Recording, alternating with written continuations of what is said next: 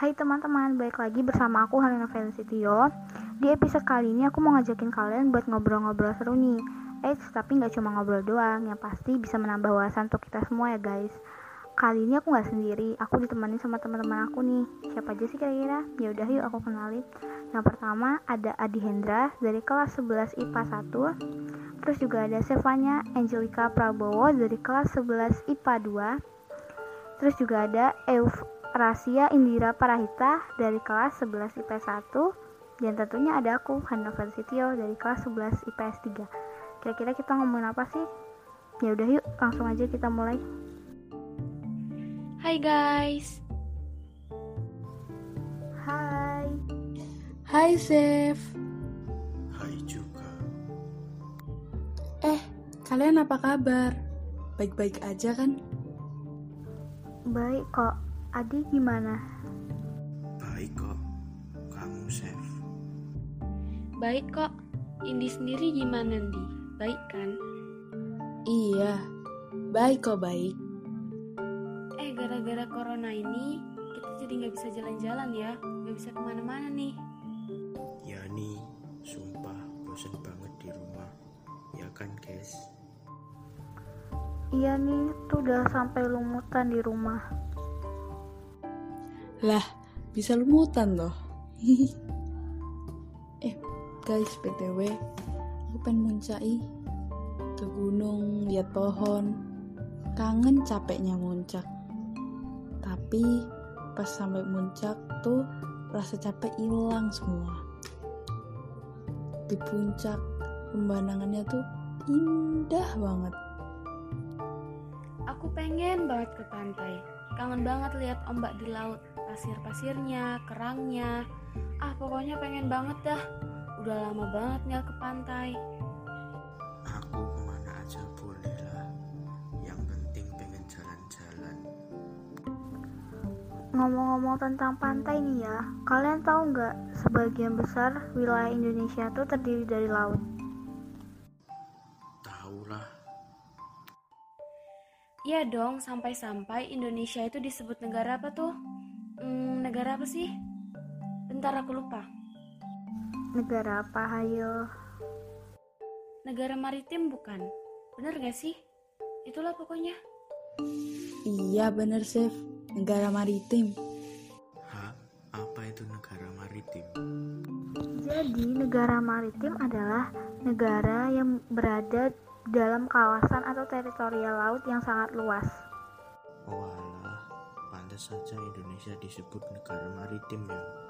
Karena Indonesia selain punya wilayah laut yang luas, Indonesia juga punya banyak banget pulau.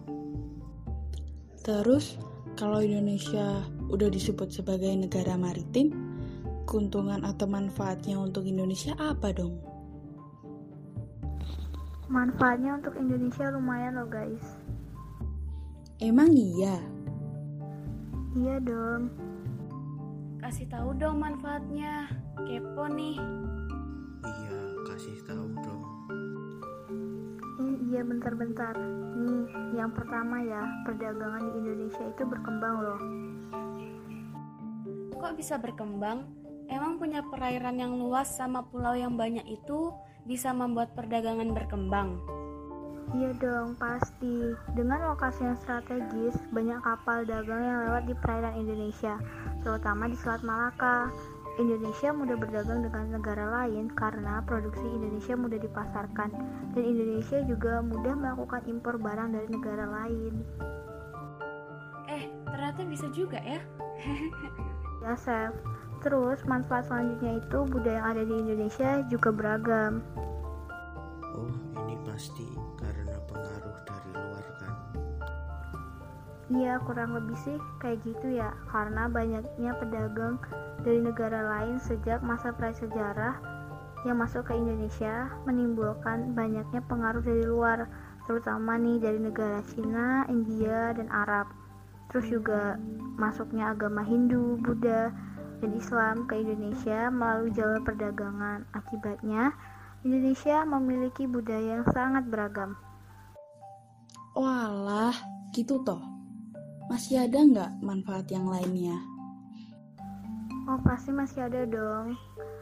Kegiatan perikanan yang ada di Indonesia juga berkembang guys Karena Indonesia diapit oleh dua samudra Yang membuat Indonesia menjadi pertemuan arus Lumayan juga ya manfaat untuk Indonesia Iya dong Tapi kan guys, aku baca di beberapa artikel gitu Indonesia itu udah mulai tercemar Kalian pernah baca gak? Aku pernah sih baca, jadi sedih sendiri bacanya. Negara sendiri dirusak sama warga negaranya sendiri. Sedih banget bahkan. Tapi ya, aku penasaran. Usaha apa sih yang bisa kita lakukan untuk menjaga kelestarian laut kita? Oh, kalau ngomongin soal usahanya, pasti banyak dong yang bisa kita lakukan dari hal-hal sepele aja yang udah bisa membantu. Contohnya, tidak membuang sampah ke laut, tidak membuang limbah pabrik ke laut, tidak menggunakan bahan kimia untuk menangkap ikan, dan tidak menyentuh terumbu karang saat kita sedang menyelam di laut. Oh iya, jangan lupa, selain mempunyai laut yang luas, Indonesia juga punya beragam flora dan fauna juga. Kalau itu aku tahu, tapi apa-apa saja yang termasuk di wilayah itu aku nggak tahu nih. Oke, aku bisa jelasin. Jadi, flora dan fauna di Indonesia itu dibagi menjadi tiga. Yang pertama, bagian Indonesia bagian barat.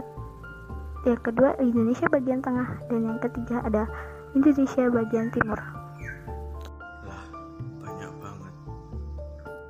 Eh, nggak cuma di Indonesia aja loh guys. Flora dan fauna itu juga memiliki persebaran di dunia. Hmm, sekarang aku mau kasih tahu nih ke kalian persebaran flora di dunia. Yang pertama itu ada tundra. Terus habis itu ada hutan hujan tropis. Terus juga ada taiga, ada sabana, ada padang rumput, dan juga yang terakhir ada gurun. Lah, banyak banget.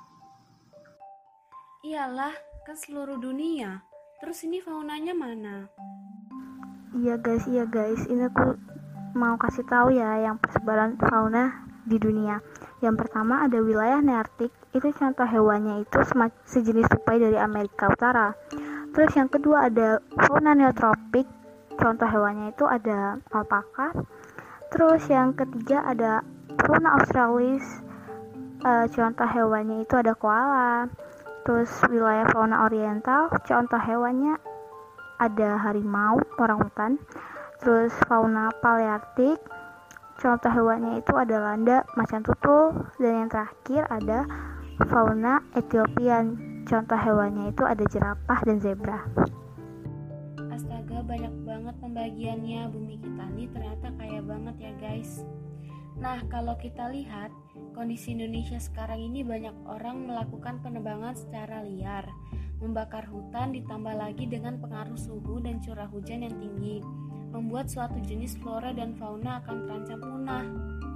Gimana sih cara kita sebagai pelajar untuk menjaga kelestarian flora dan fauna agar tidak punah? Tenang, kita juga bisa kok menjaganya. Cara kita sebagai pelajar untuk menjaga kelestarian flora dan fauna agar tidak punah ada beberapa nih. Yang pertama, ikut mengampanyekan dalam perlindungan satwa dan flora langka yang dilindungi. Yang kedua, tidak ikut dalam aksi perburuan satwa langka atau liar. Yang ketiga, ikut dalam acara penghijauan atau reboisasi. Yang keempat, menanam berbagai tanaman dimulai dari lingkungan rumah dan sekolah. Yang kelima, ikut dalam berbagai kegiatan cinta lingkungan. Eh guys, kalian tahu gak sih? Dari sekian banyak flora dan fauna yang ada di seluruh dunia, mereka itu terdiri dari kumpulan sel yang sangat kecil. Sel? Kayak pernah dengar waktu pelajaran biologi, tapi lupa artinya. Aku lupa guys. Kalau gak salah tuh, sel merupakan unit penyusun kehidupan yang paling kecil, atau bisa disebut makhluk multiseluler, sebagai pertumbuhan pada makhluk hidup. Bener, Chef. Sel juga berperan dalam berbagai macam proses dalam tubuh, seperti pembentukan tubuh dan organnya, pertumbuhan dan perkembangan tubuh, proses reproduksi.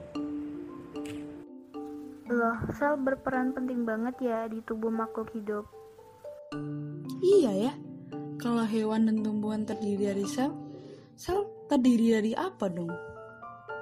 Sel itu terdiri dari beberapa bagian. Ada sel hewan dan sel tumbuhan. Terus untuk melakukan semuanya itu, sel dapat tenaga dari mana sih? Hmm, iya juga ya. Sel itu makan apa gimana? Sel emangnya bisa dimakan?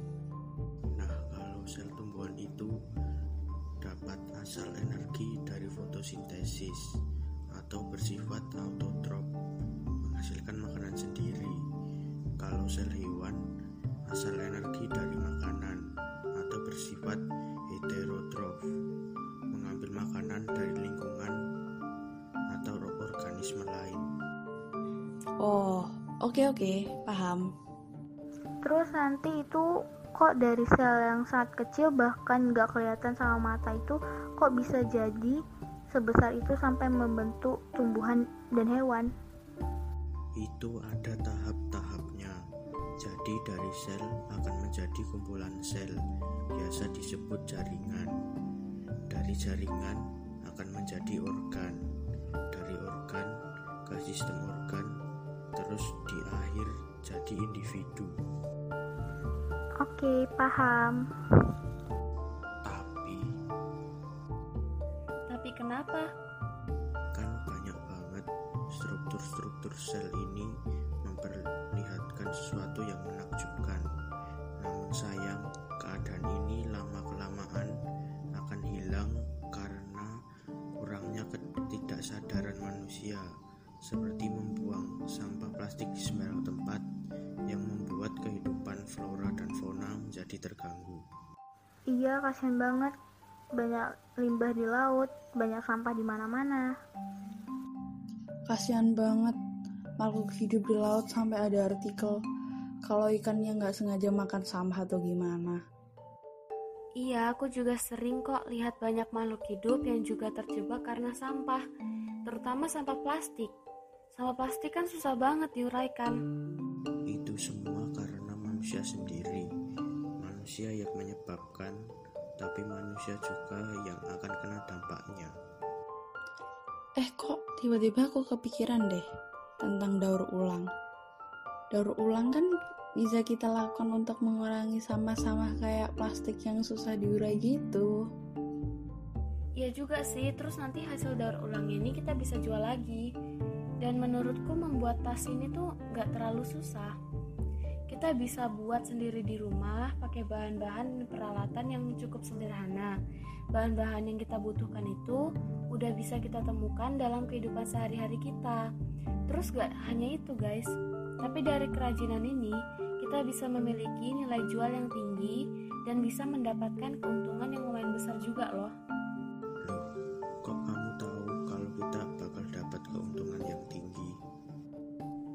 kita bisa menghitung pakai break even point. Break even point? Apa itu? Baru denger deh. Jadi, BEP atau break even point itu adalah titik di mana biaya atau pengeluaran dan pendapatan adalah seimbang, sehingga tidak terdapat kerugian atau keuntungan. Terus gimana cara menghitung BEP? Caranya gampang banget guys. Ini aku kasih tahu ya. Pertama, ingat dulu rumus dari break even point ini sendiri. Uh, rumusnya itu biaya tetap dibagi satu dikurang biaya variabel per harga satu unitnya. Contoh, kita mau memproduksi tas kan dari limbah plastik. Biaya tetapnya itu hmm, sekitar 500.000 terus biaya variabelnya i- per unitnya itu 20.000 terus harga jual tasnya misalnya 25.000 yaudah kita tinggal masukin rumus. Jadinya 500.000 dibagi 1 dikurang 20.000 per 25.000 Nah, karena 20.000 ini sama 25.000 ini bisa dibagi dengan 5.000, jadi kita sederhanakan. Jadinya 500.000 dibagi 1 dikurang 4 per 5 nah kan kalau pecahan kan agak sulit ya guys. Jadi kita ubah ke bentuk desimal aja yang 4 per 5 ini. 4 per 5 itu bentuk desimalnya jadinya itu 0,8 jadi uh, 500 ribu dibagi 1 dikurang 0,8 0,8 1 dikurang 0,8 kan hasilnya jadi 0,2 jadi 500 ribu dikurang dibagi 0,2 jadi sekitar 2 juta 500 sedangkan untuk keuntungannya itu kita bisa hitung dari modal di, uh, sorry dari harga jual dikurang modal. Misalnya uh, modalnya itu 50.000 harga jualnya 100.000 jadi tinggal dikurang.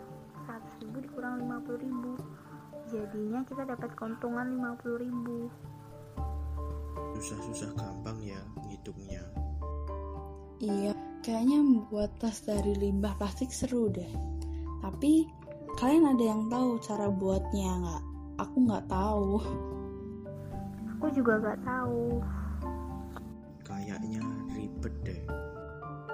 Lah kita kan udah pernah belajar teks prosedur kan? Teks prosedur?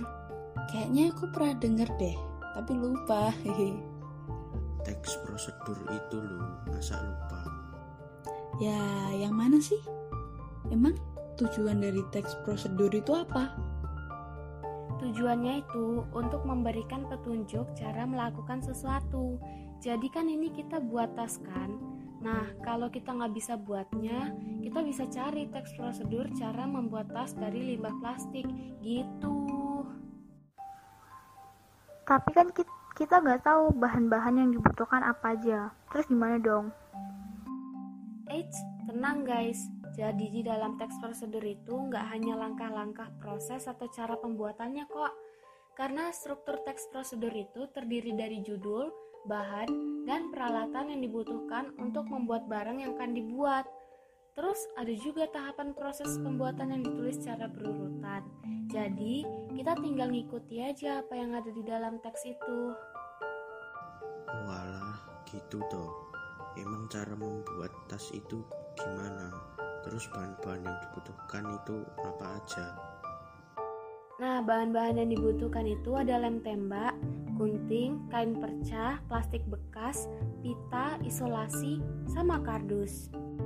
Nah, sekarang kita bahas tentang langkah-langkahnya ya. Yang pertama, kita bisa membersihkan bungkus minyak dengan air dan sabun sehingga tidak ada kotoran yang menempel dan sisa-sisa minyak. Yang kedua, setelah dicuci, bungkus minyak dijemur hingga kering di bawah sinar matahari. Nah, yang ketiga, setelah kering kita bisa memotong bungkus minyaknya.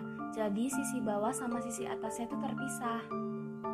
Yang keempat, kita bisa memotong kardus sesuai dengan bentuk alas bungkus minyak yang nantinya akan menjadi alas dari tasnya supaya kaku.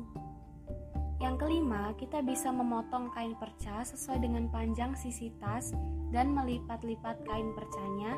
Lakukan hingga terkumpul banyak lipatan kain perca dan potong kain perca sesuai dengan bentuk alas tas itu supaya kardusnya tertutupi dan menjadi lebih bagus. Yang keenam, tempellah kain perca yang sudah dilipat tadi dengan lem tembak di sisi tas dan alas tas supaya bermotif dan berwarna. Yang ketujuh, potonglah pita sesuai dengan panjang yang diinginkan karena pita ini akan dibuat menjadi tali pada tas tersebut. Yang kedelapan, tempellah pita itu di sisi kanan atas dan kiri atas pada tas dengan lem tembak. Dan yang kesembilan, tas siap digunakan. Udah guys, gitu aja. Gimana nih? Gimana gimana? Ya, susah-susah gampang sih. Iya sih, tapi kalau dilakukan bersama pasti bisa sih. Oh iya dong, jadi nggak usah bingung lagi. Kan ada teks prosedur, jadi kita bisa mendaur ulang sampah yang ada. Kalau gini kan kita juga bisa menjaga lingkungan kita dengan cara yang kita bisa. Iya nih, seharusnya kita menghargai dan menjaga lingkungan kita karena lingkungan kita dan makhluk hidup di sekitar kita juga ciptaan Tuhan. Walaupun dengan cara simpel seperti mendaur ulang sampah atau bahkan cuma dengan membuang sampah pada tempatnya saja, itu udah menjaga ciptaannya. Oh iya, ngomong-ngomong tentang Tuhan nih, kita udah lama ya nggak beribadah di gereja. Aku kangen banget beribadah di gereja. Aku sih udah bisa ke gereja. Ya bedanya kali ini umat yang hadir tidak sebanyak dulu. Anak kecil yang diberkati juga tidak ada. Kangen ya. Iya, kayak yang kita tahu, gereja bukan sekedar bangunan atau gedung, uh, tetapi tempat atau komunitas orang-orang beriman Kristen mengimani Yesus sebagai Tuhan. Hmm, meski gereja tak seramai dulu, tetap harus penuh sukacita dan penuh kebahagiaan. Jangan menjadikan alasan bahwa ke gereja itu sebuah kewajiban ya guys. Dan juga perlu niat dan semangat saat menjalani ekaristi ataupun ibadah langsung maupun tidak langsung. Iya nih, aku pun begitu selalu dengan keadaan senang, bahagia saat ke gereja. Oh iya, kalau ada orang yang ingin ikut ekaristi atau beribadah, apa boleh guys? Tentu boleh, karena gereja itu universal, umum, terbuka, dan diperuntukkan semua bangsa dan zaman. Jadi, semua orang boleh jika ingin. Gereja Katolik apa ada urutan kepemimpinannya? Wah, ada. Itu termasuk sifat gereja bersifat satu. Satu di sini berarti bahwa gereja Katolik berada pada satu naungan kepemimpinan gereja atau yang biasa juga disebut sebagai kepala gereja yang dipimpin oleh paus. Paus mewakili keberadaan gereja yang tidak kelihatan atau dengan kata lain Tuhan Yesus itu sendiri. Di bawah jabatan paus ada uskup yang memegang kesatuan gereja Katolik pada suatu wilayah tertentu. Iya, oh iya, Gereja juga memiliki sifat kudus loh guys. Maksudnya kudus itu dijiwai oleh roh kudus. Ya gitu. Sebenarnya sifat gereja itu ada berapa sih? Aku jelasin nih. Sifat gereja itu ada empat. Yang pertama satu, lalu kudus, katolik, dan terakhir apostolik. Katolik di sini diartikan umum, terbuka, dan universal dan kalau apostolik itu sendiri dijiwai oleh para rasul. Maksudnya dijiwai oleh para rasul. Setelah Yesus bangkit dan kembali ke surga, Petrus diutus untuk melanjutkan tugas perutusan dan mewartakan kabar gembira. Petrus mendirikan gereja dan membentuk susunan pengurus gereja yang dipegang oleh rasul-rasulnya karena gereja Katolik bersifat apostolik. Maka gereja setelah sepeninggalan Petrus dan rasul-rasul lain segera mencari pengganti mereka. Begitu. Oh, begitu.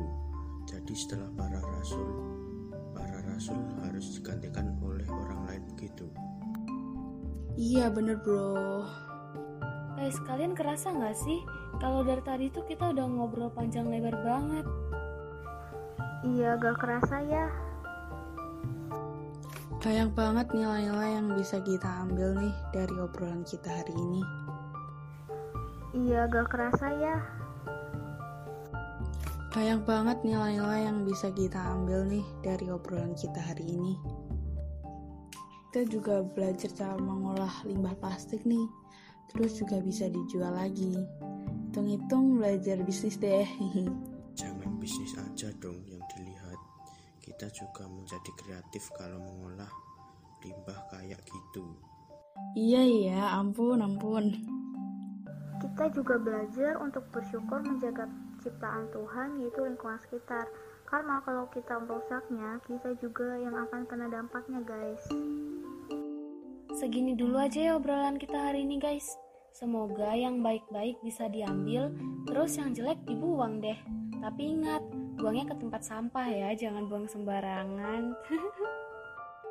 itu beda lagi, Seva. Iya, iya, maaf. Ya udah, bye-bye semuanya. Bye-bye guys, jaga kesehatan ya. Jangan lupa doa sama ibadah. Oke guys, bye-bye. Bye.